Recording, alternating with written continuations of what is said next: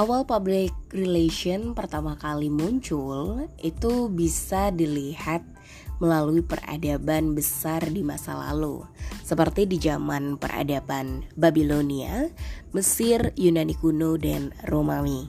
Sehingga teknik-teknik yang biasa digunakan dalam PR sekarang itu memang sudah digunakan oleh raja atau pemuka agama terdahulu, sehingga mereka menggunakan itu untuk membujuk warga agar menerima otoritas mereka, di antaranya melalui komunikasi interpersonal, pidato, seni, sastra, pertunjukan, publikasi, dan sebagainya.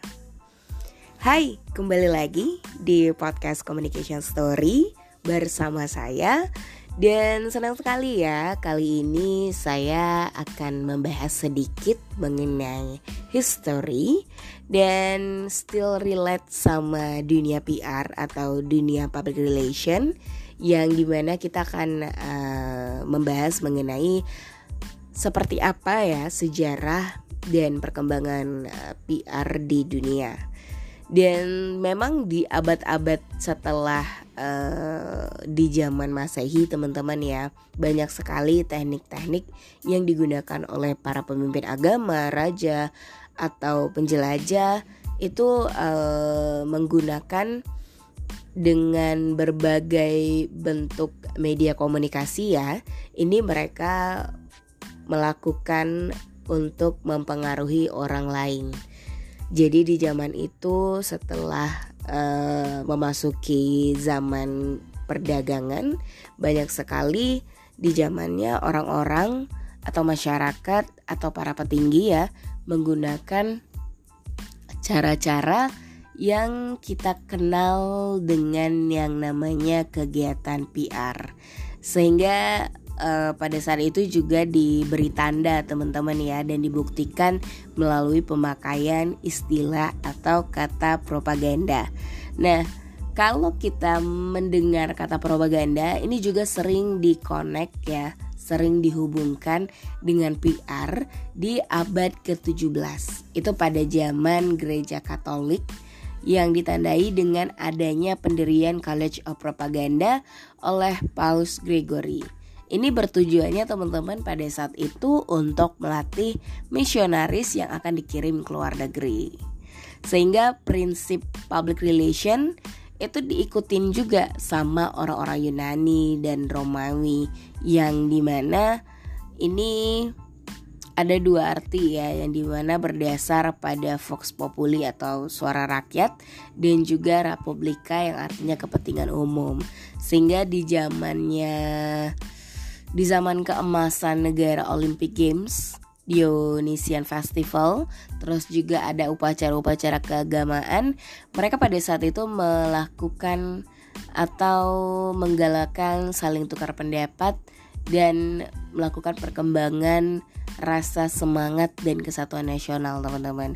Sehingga di kota Yunani sendiri di beberapa kota-kota di Yunani itu mereka pada saat itu semakin mencerminkan opini publik sehingga pada saat itu juga banyak para pemimpin semakin sadar ya akan hubungan mereka dengan rakyat yang itulah dikenal dan dinamakan itu kegiatan PR. Nggak hanya Yunani ya, Romawi juga teman-teman ya memiliki konsep opini publik dan public relation yang di mana mencatat segala pemberitahuan atau kejadian-kejadian itu melalui papan tulis.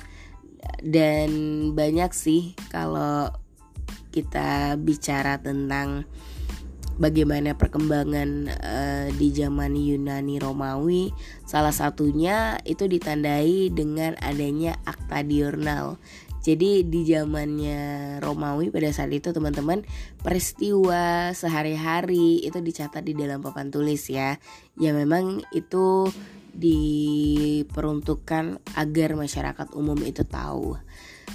Nah, dari public relation uh, atau PR ya yang secara konservatif atau awalnya da hadir, public relation modern pun juga uh, melalui perkembangan teman-teman dari yang agak konservatif ya ma lebih maju lagi ke modern itu ternyata PR itu memiliki progres yang sangat baik di mana terdapat tiga fungsi utama. Yang pertama itu uh, sebagai agen pemberitaan, sebagai publisitas dan juga konseling. Banyak sekali uh, tokoh-tokoh atau pahlawan di dalam mitologi sejarah ya itu digunakan untuk menarik perhatian uh, banyak orang. Sehingga di abad ke-19 yang bernama uh, John Henry, terus juga ada Daniel Daniel Boone, ada juga Annie Oakley teman-teman. Itu mereka berusaha untuk menarik dan mempengaruhi ya perhatian publik di mana uh, orang-orang yang saya sebutkan tadi itu mereka adalah para pebisnis ataupun juga para politikus dari Amerika. Sehingga mungkin teman-teman uh, pernah mendengar nama Peter Barnum? Atau yang pernah nonton film sirkus? Ya yang dibintangi oleh Hugh Jackman itu ia uh, merupakan seorang pemilik sirkus di Amerika di abad 19 dan salah satunya ya yang menggunakan mempraktikkan kegiatan PR. Jadi di zaman dulu itu teman-teman memang tanpa kita sadari ya kegiatan atau uh, aktivitas yang berhubungan dengan PR itu adalah sesuatu hal yang sudah lama dilakukan. Even di Perang Dunia I dan Perang Dunia juga berpengaruh teman-teman di dalam perkembangan PR.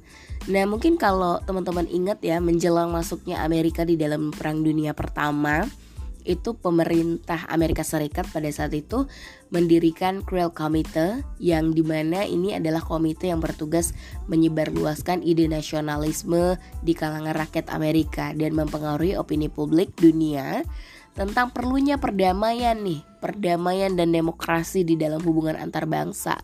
Sehingga uh, selama Perang Dunia Kedua juga pemerintah Amerika itu mendirikan Office of War Information yang merupakan badan yang bertujuan untuk menggalang dukungan rakyat Amerika dan dunia ya untuk memenangkan uh, peperangan.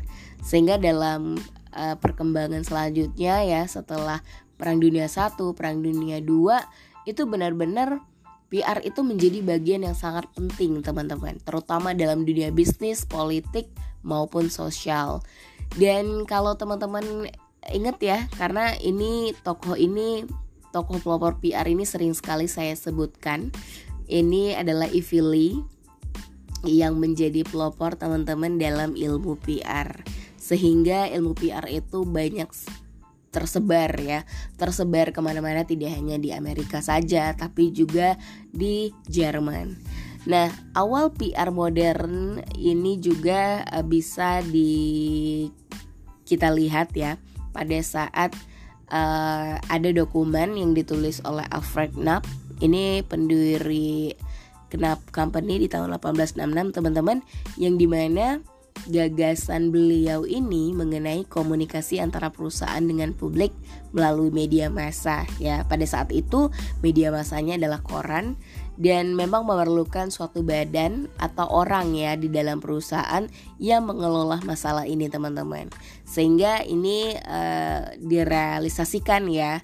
Yang diinginkan oleh Alfred Knapp itu diusahakan oleh putranya yakni Frederick uh, Frederick Alfred Knapp.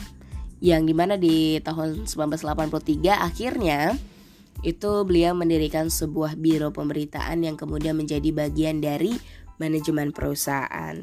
Sehingga eh, ketika perusahaan ini sukses, itu banyak sekali yang uh, follow ya, mengikuti uh, contoh kegiatan dari kesuksesan uh, Alfred Knapp ini, khususnya dalam membangun perusahaan.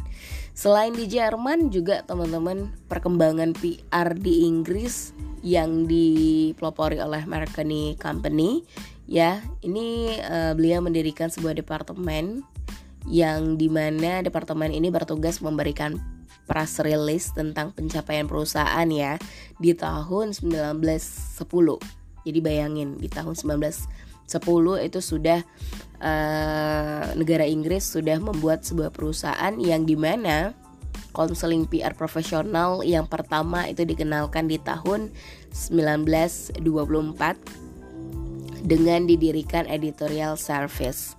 Nah, ini ada dua, dua media yang memang sangat penting dalam perkembangan PR di Inggris, teman-teman, yakni Reuters dan juga British Broadcasting Company atau kita kenal dengan BBC. Kemudian eh, berkembanglah ya PR tidak hanya di Inggris tapi juga sampai di Australia. Nah, di Australia ini juga mereka mengikuti teman-teman perkembangan PR yang di mana uh, dikenalkan oleh Jenderal Douglas MacArthur pada tahun 42 yang di mana banyak staf yang terampil dan terlatih itu mereka dipekerjakan untuk menyebarkan citra kemudian uh, ya citra dan kebijakan perang MacArthur pada saat itu sehingga perkembangan industri ikut memicu berdirinya PR Institute of Australia ya. Itu di tahun 1960 jadi banyak sekali teman-teman ya sejarah uh, eh, PR itu tidak hanya uh, sekedarnya aja tapi benar-benar memang dengan adanya sesuatu hal yang mempelopori sehingga diikuti berbagai negara itu membuat PR menjadi sesuatu hal yang hmm, penting ya apalagi di zaman sekarang. Karena PR itu berfungsi benar-benar bisa menghubungkan ya sebuah uh, hubungan antara organisasi atau perusahaan dengan klien.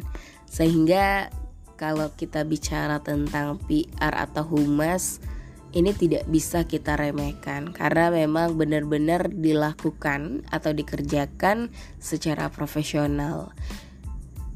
Um, banyak sih kalau kita bicara tentang bagaimana sih perkembangannya. Banyak ya banyak sekali dari tahun 1000 berapa nih? 1700-an ya di mana memang pada saat itu teman-teman uh, periode di mana PR itu muncul ya. Cuman pada saat di tahun 1700 atau di 1800-an itu aktivitas kegiatan PR itu belum terorganisir dengan baik. Karena memang pada saat itu banyak sekali uh, pendapat uh, atau opini publik ya yang pada saat itu juga uh, mm, banyak diwarnai dengan isu mengenai kebebasan dari perbudakan, kemudian ada sistem kolonialisme yang melanda dunia sehingga kegiatan PR pada saat itu memang masih uh, belum baik gitu. Barulah mungkin seiring dengan adanya kemajuan atau mungkin perkembangan bidang industri, keuangan, perdagangan atau teknologi aktivitas PR itu sudah mulai terorganisir baik ya. Seperti yang sudah saya sebutkan tadi banyak sekali uh, eh, PR itu ada di Amerika ada di Jerman ataupun di Australia.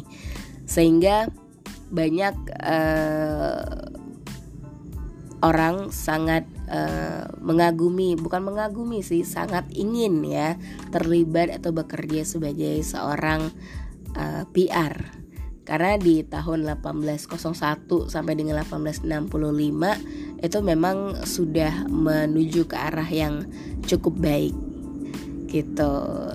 Dan bagaimana sih di tahun 1866 ataupun di 1900 itu pada masa mana masa-masa itu teman-teman ternyata PR sudah berubah menjadi suatu kegiatan yang memang lebih profesional. Karena perkembangan ya, perkembangan dari kemajuan teknologi industri sendiri uh, hingga penggunaan listrik, kemudian adanya mesin pembakaran, itu benar-benar uh, dimanfaatkan sekali teman-teman ya, sehingga aktivitas PR itu berubah 180 derajat menjadi uh, profesional. Jadi bayangin aja di tahun 1866 sampai dengan 1900 PR itu sudah sebagai pekerjaan dan menjadi benar-benar profesional ya karena kebetulan juga uh, di tahun itu PR ini uh, dikatakanlah merupakan the public to be them ya. Dan bagaimana di tahun-tahun selanjutnya ya seperti kita tahu lah dari tahun di 1920-an ya sampai sekarang. Memang uh, humas atau PR itu tidak hanya sekedar sebagai profesional teman-teman tapi juga sebagai uh, dijadikan bahan studi ya pemikiran terus juga penelitian. Dan ini memang new profesi uh, profesi yang baru yang di mana perkembangannya ini sudah bisa menyesuaikan sudah uh, bisa saling memahami teman-teman ya. Dan ya saling memahami maksudnya itu saling memahami di berbagai kalangan organisasi dan publik. Jadi uh, banyak sih kalau kita berbicara tentang sejarah PR di dunia. Dan bagaimana dengan Indonesia? Dengan Indonesia nanti ya teman-teman ya. Saya akan bercerita lagi bagaimana sih uh, sejarah dan perkembangan PR di Indonesia. Itu panjang juga ya ini sama sih nggak jauh beda sama di dunia Nah teman-teman semoga episode kali ini mengenai PR di dunia ya How that progress itu menjadi bermanfaat buat teman-teman yang pengen tahu ya sekilas tentang dunia humas atau dunia public relation. So, Tetap dengerin Communication Story. Saya pamit. Bye bye.